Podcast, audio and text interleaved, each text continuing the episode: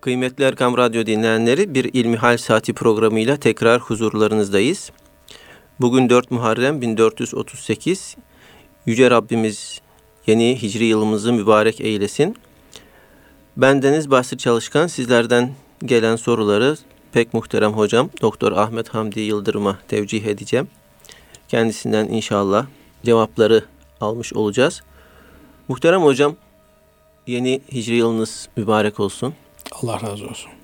Ee, ilk soruyu ben sormak istiyorum. Muharrem ayında e, nafile olarak yapmamız icap eden ibadetler nelerdir hocam?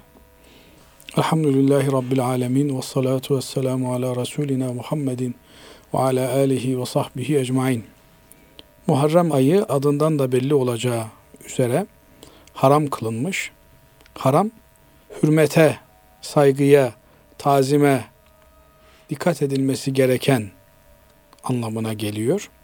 Binaenaleyh nasıl haram olan şeylere el sürmememiz, onlardan uzak durmamız gerekiyorsa bu tür haram kılınmış yani hürmetli sayılmış olan şeylere karşı da saygıda kusur etmememiz gerektiği için bu adı almış. Binaenaleyh Muharrem ayı hürmete şayan bir aydır. Bu ayda bir takım şeyler yasak kılınmıştır. Ta İbrahim Aleyhisselam'dan beri gelen Arap kültürü içerisinde haram aylar diye bilinen savaşın, kavganın, gürültünün yasak olduğu, barışın mecburi olarak tesis edildiği aylar vardır. Bunları Kur'an-ı Kerim erbaatun hurum ifadesiyle Allah'ın gökleri ve yerleri yarattığı günden beri ayların sayısı 12'dir. Bunların içerisinde dört tanesi vardır ki bunlar haram aylardır. Bu haram ayların ilki Muharrem ayıdır. Sene itibariyle ilki Muharrem ayıdır. Aslında üç haram ay peş peşe gelir. Bu itibarla da bu üçlü haram ayların üçüncüsüdür. Yani Zilkade, Zilhicce, Muharrem haram aylardır. Evet. Bu aylar hacca denk gelen, hacca gelişin, haçtan dönüşün gerçekleştiği aylardır. Bu aylarda e, güvenliğin tesis edilmesi, barışın, esenliğin kurulması gerekir. İnsanların huzur içerisinde, sulh, sükunet içerisinde selametle yolculuklarını yapabilecekleri bir zeminin oluşması gerekir. Bu aylarda kavga çıkartmak, gürültü yapmak, saygısızlık yapmak, efendim niza yapmak, tartışmak edebe uygun değildir. Savaş yapmanın yasak olduğu bir aydır. Ama maalesef günümüzde Halep'i düşündüğümüzde, efendim Yemen'i düşündüğümüzde, Afganistan'ı düşündüğümüzde, İslam coğrafyasının birçok yerine baktığımızda ne insana saygı kalmış ne de böyle Cenab-ı Allah'ın kutsiyetini bildirdiği, haram kıldığı aylara saygı kalmış. Savaş olanca vahşetiyle her yerde akıp gitmekte. Ne insana, ne çevreye, ne tabiata merhamet etmeksizin bir vahşet yeryüzünde bugün maalesef egemen konuma gelmiş bulunmakta. Bundan bütün Müslümanlar mesuller, hepimiz mesulüz. Vahşetin egemen olmasında bilerek veya bilmeyerek hepimizin parmağının olduğu bir gerçek. Çünkü en büyük vazifemiz kula kulluğu bertaraf etmek, Allah'a kulluğa bütün insanları çağırmaktır. Kula kulluğun olduğu yerlerde zulüm vardır, haksızlık vardır, adaletsizlik vardır. Özgürlük Allah'a kul olmaktadır. Allah'a kul olanlar, Allah'a kullukta mesafe kat edenler gerçek anlamda özgürlüklerini yaşayabilen insanlardır. Dolayısıyla e, Zilkade Zilhicce ayından beri gelen Müslümanın takınması gereken, benimsemesi gereken tavır kavgadan, gürültüden, efendim savaştan, itişten, kakıştan uzak durmaktır. Bu yönüyle bir nefis terbiyesine ihtiyacımız var. Mesela e, sair aylarda trafikte belki korna çalmaya bu kadar dikkat etmeyebiliriz. Ama bu aylarda hakikaten trafikte bir başka çehreye bürünmemiz gerekir. Bu ayın saygınlığını korumamız gerekir. Nasıl Allah'ın Kabe'si, Hz. Peygamber aleyhissalatü vesselam Efendimizin namaz kıldığı Mescid-i Nebi, korunaklı bölgeler, kutsiyeti olan, hürmeti olan, haram diye adlandırılan bölgeler ise aynı zamanda Cenab-ı Allah bir takım zaman dilimlerine de böyle hürmete şayan zaman dilimleri olarak itibar etmemizi bizden talep ediyor. Bu Muharrem ayı bu yönüyle üç haram ayın üçüncüsü yılbaşı itibariyle de birincisi olmuş olmakta. Bir de Recebül Ferdimiz var. Evet. Recep ayı da haram aylardan bir tanesidir. Ona fert denilmesi, tek denilmesinin sebebi de arada tek başına kaldığı içindir. Yani dört tane haram ay var. Savaşın, kavganın yasak olduğu. Bunlardan üç tanesi peş peşe gelmiş. Recep evet. ayı tek geldiği için ona da Recebül Fert denilmiş. Bu aylara özgü, has ibadetlerle ilgili e, zayıf da olsa bir takım hadisi şerifler zikrediliyor. Ama asıl Kur'an'ın bu aylarda bizden beklediği insandaki kavgacı fıtratı, insandaki savaşçı, dövüşçü fıtratı törpüleme eğilimlerini bu ayda kazanmamız gerekiyor. Ee, o kavga duygularını bastırmamız gerekiyor. Olabildiğince barışçıl bir havaya girmemiz bizden isteniyor. Bunun da temel maksadı Allahu alem şu olsa gerek. Yani yeryüzünde mahluk ile savaşı, kavgayı, itişip kakışmayı bırakın. Yaratıcı olan Cenab-ı Allah'a kullukta yarışın. Çünkü kavganın, gürültünün içerisinde insanlarla itişin, kakışın içerisinde Allah'a olan kulluk borcumuzu, Allah'a olan vazifelerimizi yerine getirememe endişeleri söz konusu olabiliyor. Oysa bu aylar tamamen ibadete yoğunlaşacağımız, Allah Azze ve Celle Hazretlerine yakınlaşma aracı olarak kullanabileceğimiz zaman dilimleridir. Nitekim Cenab-ı Allah Efendimiz Aleyhissalatu vesselamın naklettiği bir hadisi şerifte şöyle buyuruyor. Kulum ona farz kıldığım ibadetlerden daha sevimli hiçbir şey ile bana yaklaşamaz diyor. Demek ki Allah'a en sevimli olan, Allah'a kurbiyet kazandıran, yakınlaşmaya vesile olan ibadet Allah Teala'nın bize farz kıldığı ibadetlerdir. Dolayısıyla farz olan ibadetlerin hem keyfiyet hem de kemmiyet olarak yani hem nitelik hem de nicelik olarak artırılması bizden bekleniyor. Şöyle sabah namazının farzını kılarken sanki hiç bitmeyecek edasında, tadında, halavetinde bir namaz kılmamız. Öğle namazının farzını kılarken hakeza. Akşam namazının farzını kılarken, yatsı namazının farzını kılarken hakeza. Bazen bir takım Müslüman unsurlar için şöyle ithamlar söz konusu oluyor. İşte sünnet kılmıyorlar.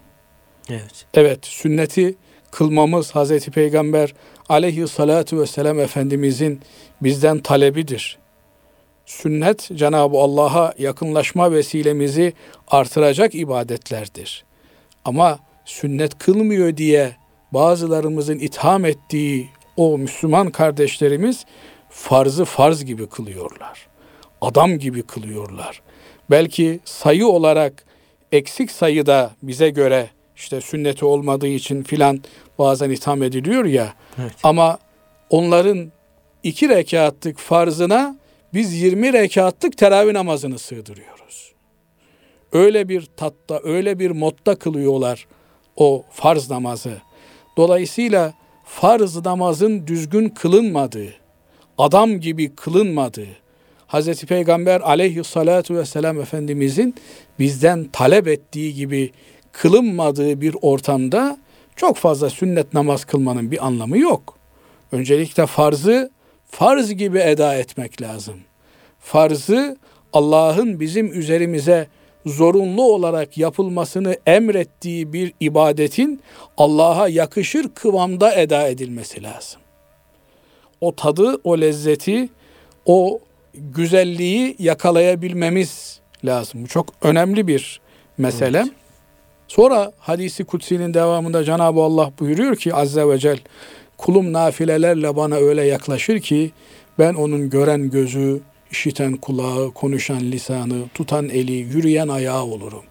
Yani konuştuğu benim razı olacağım şeyler, dinlediği benim razı olacağım şeyler, gördüğü benim razı olacağım şeyler, tuttuğu benim razı olacağım şeyler, yürüdüğü gittiği yerler benim razı olacağım şeyler olur. Bütün bu beş duyu organıyla, bütün bu hisleriyle Cenab-ı Allah'ın rızasını kazanmaya, Allah Azze ve Celle'nin razı ve hoşnut olacağı şeylere amade, hizmetkar kılınır. Böylelikle insan ibadetin tadını, lezzetini, zevkini yaşar. Bu yönüyle bu aylar hakikaten biz tabii farkında değiliz. Yani o günün Arap dünyasında Efendimiz Aleyhisselatü Vesselam da bunu ashabıyla beraber devam ettirmiş. Kur'an-ı Kerim bunu takrir etmiş. Göklerin ve yerlerin yaratıldığı andan itibaren dört tane hürmetli ayın olduğundan bahsediyor Cenab-ı Allah. Biz bir takvim değişikliğiyle kendi medeniyetimize, İslam dinine ait ayları bile unuttuk. Evet. Dolayısıyla Zilkade gelip geçiyor haberimiz olmuyor. Zilhicce gelip geçiyor. Allah'tan kurban bayramı var. Haç ibadeti var da Zilhicce'den bir yönüyle hatırlıyoruz. Muharrem gelip geçiyor. Eğer onun da aşure günü olmasa onu da hatırlamayacağız. Ama peşinden Safer geliyor, Rebiul Evvel, Rebiul Ahar. Bu şur e, kameri, hicri aylar peş peşe gelip akarken biz bunların çoğu zaman farkında bile olmuyoruz. Oysa evet güneş hesabıyla cereyan eden ayları dünyevi maslahatlarımız için kullandığımız gibi ahiret maslahatımız, menfaatimiz, yararımız için bu hicri ayları, kameri ayları, ay takvimine göre işleyen ayları da bilme ve takip etme mecburiyetimiz var. Dolayısıyla Muharrem ayının en önemli ibadeti Muharrem ayının manasına uygun olarak her türlü kavgayı, gürültüyü, savaşı, itişi, kakışı, nizaı bitirip bu ayı Allah'a kulluğa tahsis etmemiz gerekiyor. Bu en önemli noktası. Sonra biliyorsunuz birçok peygamberin kurtulduğu, müjdeye nail olduğu gün olan Muharrem'in 10. günü, Aşure günü Hz. Peygamber aleyhissalatü vesselam Efendimiz Medine'ye geldiğinde Medine'deki bir takım etnik grupların bu ayın 10. gününü oruçla geçirdiklerini görünce Efendimiz Aleyhisselatü Vesselam önceden beri tuta geldiği Aşura'nın 10. gününü bir gün öncesi bir gün sonrasıyla beraber tutulmasını bize emrediyor. Yani bugün Muharrem'in dördü. Dördü. Demek ki haftaya bugün çarşamba günü 11'i olmuş oluyor. Salı günü onu Muharrem'in ya salı çarşamba beraber tutmak lazım ya pazartesi salı orucu beraber tutmak lazım. Böylelikle aşure orucunun faziletini de kazanmış olalım. Aşure orucu hakikaten önceki milletler tarafından da Yahudiler tarafından da tutulan bir oruç olduğu için Hazreti Peygamber aleyhissalatü vesselam Efendimiz ibadette de Yahudilere benzememek için bir gün öncesi ve bir gün sonrasıyla bu orucu tutmamızı bizlere emretmiş, bizlerden istemiş. Aşure orucu müekket bir oruçtur. Farz veya vacip bir oruç değildir. Ama senede bir defa denk geldiği için tutulması tavsiye edilir. Öncesi veya sonrasıyla her Müslüman vaktine göre bu orucu tutmaya gayret etmelidir. Bunun yanında farklı kitaplarda bu aylarda yapılabilecek ibadetlere ilişkin bir takım rivayetler söz konusu ise de alimlerimiz bunların zayıf olduğunu söyledikleri için genelde de böyle zayıf hadislere karşı bir toplumda reaksiyon, tepki uyanmış durumda. Çünkü maalesef bir takım e, kimseler e, zayıf hadislerle evet amel etmek, amel cihetiyle mümkündür. Kitaplarımızda peşinde bir akaid meselesi olmayan, bir fıkhi zorunluluk olmayan meseleleri fazilet babından zayıf hadislerle de desteklemişler.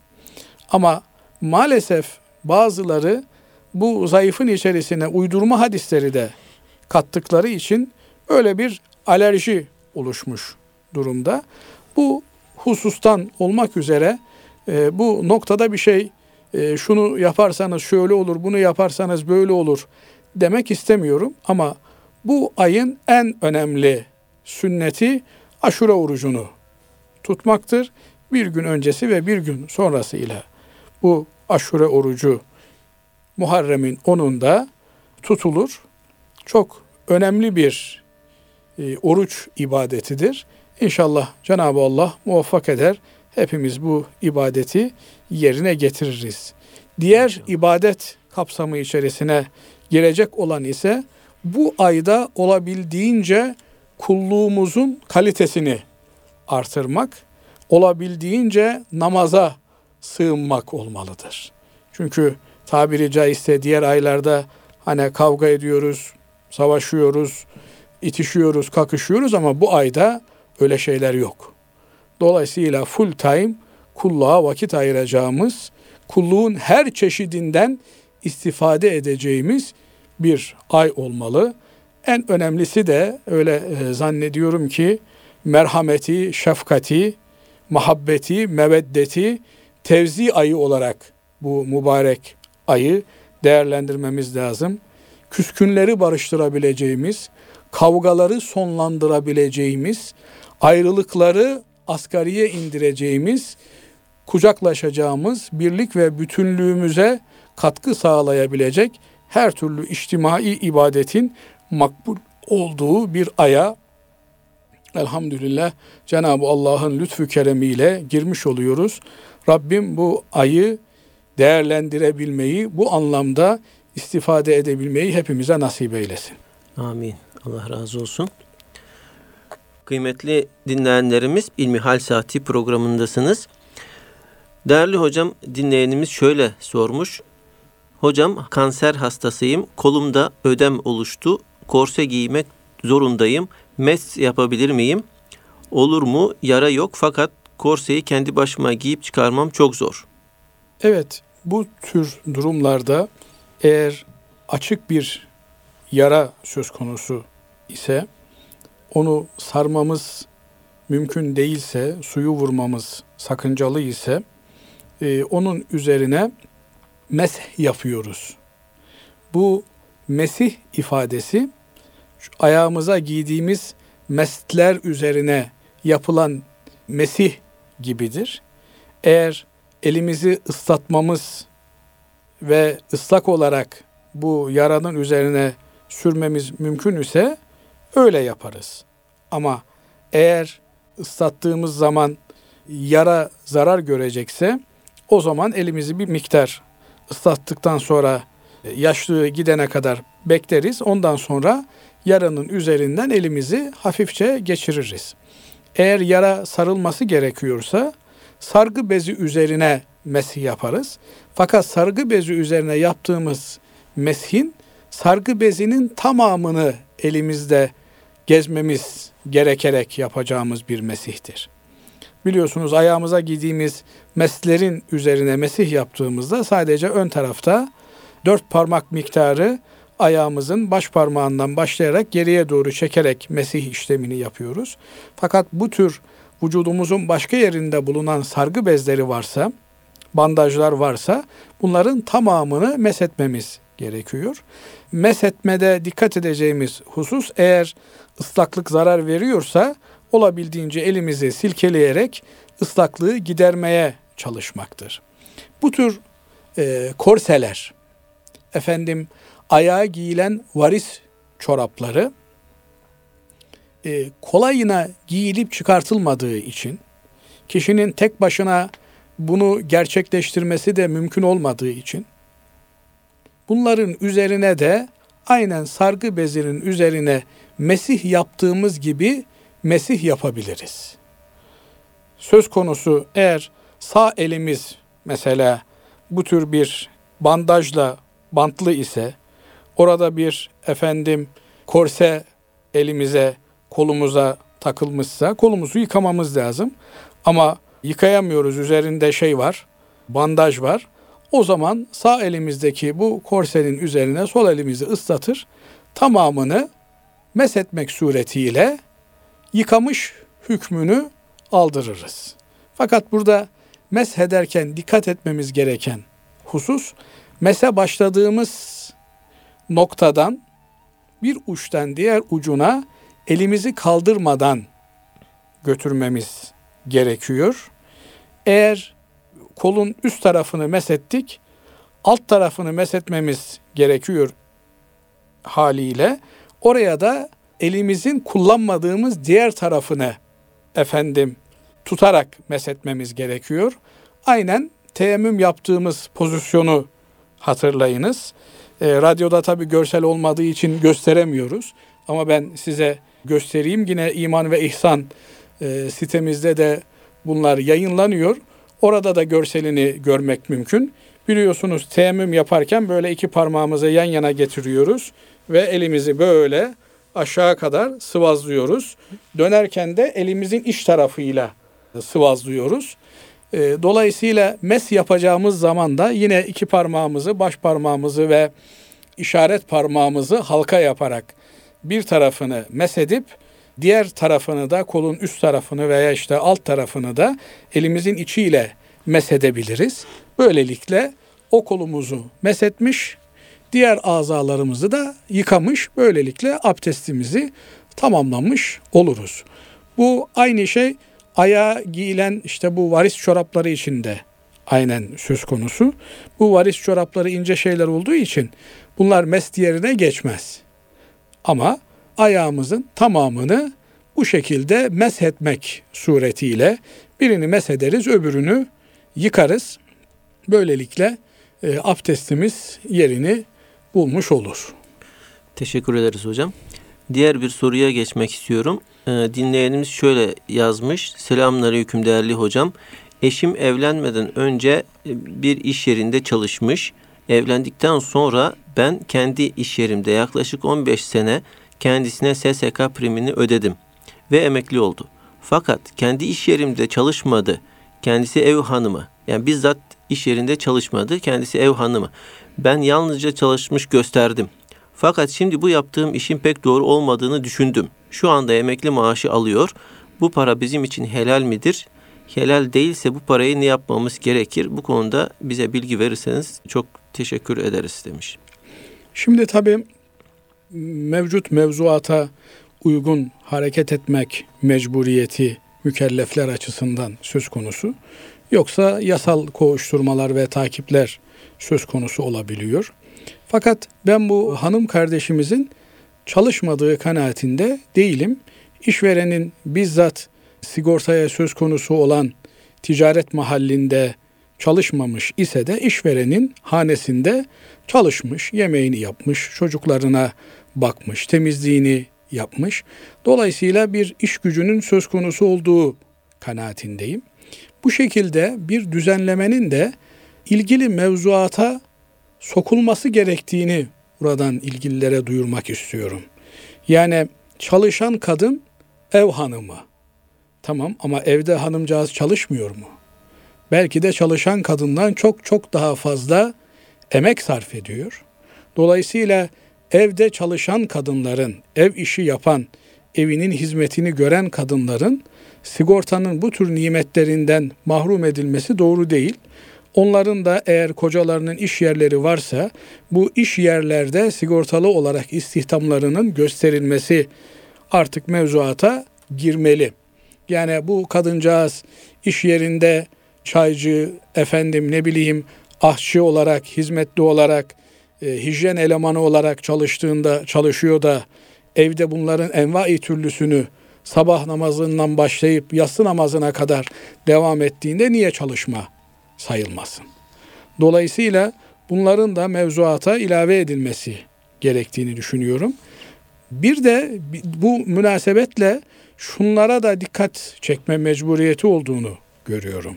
Yani çalışan kadınlara birçok ayrıcalıklar getiriliyor. Değil mi? Şu tatil hakkı var, bu bilmem ne var, şu var, bu var. E, evinde çalışan kadınların niye ayrıcalıkları olmasın? Evde çalışan kadınların daha fazla ayrıcalıklarının olması gerekiyor. Yani eğer nüfus politikası olarak üç çocuğu bile yeterli görmüyorsak, dört çocuk, beş çocuk zaruretinden bahsediyorsak eğer mutlak surette evinin işvereni olan ve aynı zamanda da iş gücünü teşkil eden kadınların bu tür sigorta nimetlerinden daha üst seviyede faydalandırılmalı gerektiğini düşünüyorum. Bu yönüyle bu kardeşimiz aldığı emeklilik maaşını madem primini yatırmış, karşılığında da çalışmasını yapmış, alıp yiyebilir. Evet. Diğer bir soruya e, geçmek istiyorum e, hocam. Gerçi belki daha önceki programlarımızda buna benzer soruları cevaplandırdık ama şöyle sormuş dinleyenimiz. Bir bayanın söylediği şarkıyı dinlerken fitneye düşme tehlikesi yok ise yani normal bir şekilde dinliyorsak gene de dinle, dinlememiz günah mıdır?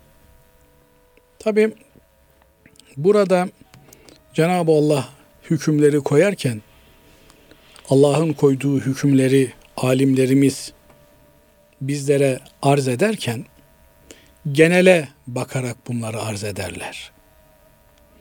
Yani çok nadir olan, istisnai olan konularda istisnalar kaideyi bozmaz diye bir hükümden bahsedilir. Binaenaleyh Cenab-ı Allah erkeklerin yapabileceği, kadınların yapabileceği bir takım ayrıcalıklı hususları belirtmiştir. Burada şarkı meselesi, müzik meselesi başlı başına ayrı bir konu olarak karşımıza çıkıyor. Cenab-ı Allah'ın az önce ifade etmeye çalıştığımız razı olduğu, hoşnut olduğu Allah'ı zikretmemiz Cenab-ı Allah'la her daim beraber olmaya çalışmamızdır. Müslümanlar kulaklarının pasını Kur'an-ı Kerim tilaveti dinlemek suretiyle yok ederler. Müslümanın zevk duyduğu, zevk aldığı, huzur ile dinlediği, hatta dinlerken tüyleri diken diken olan kelam Allah'ın kelamıdır. Allah'ın kelamından huzur bulurlar, lezzet alırlar, tat alırlar. Aynı şekilde Allah'ı hatırlatan, Allah'ın kelamını hatırlatan şeyleri dinlemekten haz alırlar. Binaenaleyh neye kulak verdiğimize dikkat etmemiz gerekiyor. Kulak verdiğimiz şeyin bu şekilde Allah'ın kelamı olmasına, Allah'a çağıran bir kelam olmasına dikkat etmemiz gerekiyor. Bunun haricinde gündelik hayatımızda konuşma dilimizde elbette bayanlarla erkekler birbirleriyle konuşacaklardır, muhadese edeceklerdir. Zaruretlerini birbirlerine arz edeceklerdir.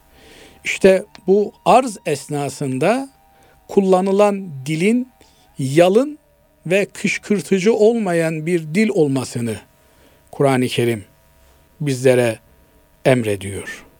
Ve kulne kavlen ma'rufa diyor. Yani o müminlerin anneleri Hazreti Peygamber aleyhissalatu vesselam Efendimizin hanımları kendilerine bir soru sorulduğunda erkeklerle konuşmaları gerektiğinde maruf olan yalın herkesin kabul ettiği şeriatın benimsediği konuşma tarzıyla konuşsunlar. Sözü eğip bükmesinler. Kalplerinde maraz bulunan yani bir takım psikolojik hastalıklara maruz kalmış kimselerin dikkatini çekecek, ilgisini çekecek, içini gıcıklayacak şekilde bir konuşma tarzı benimsemesinler. Burada e, değerli dinleyicimiz ben diyor kadının söylediği müziği herhangi bir marazi psikolojik rahatsızlık olmaksızın dinleyebilir miyim?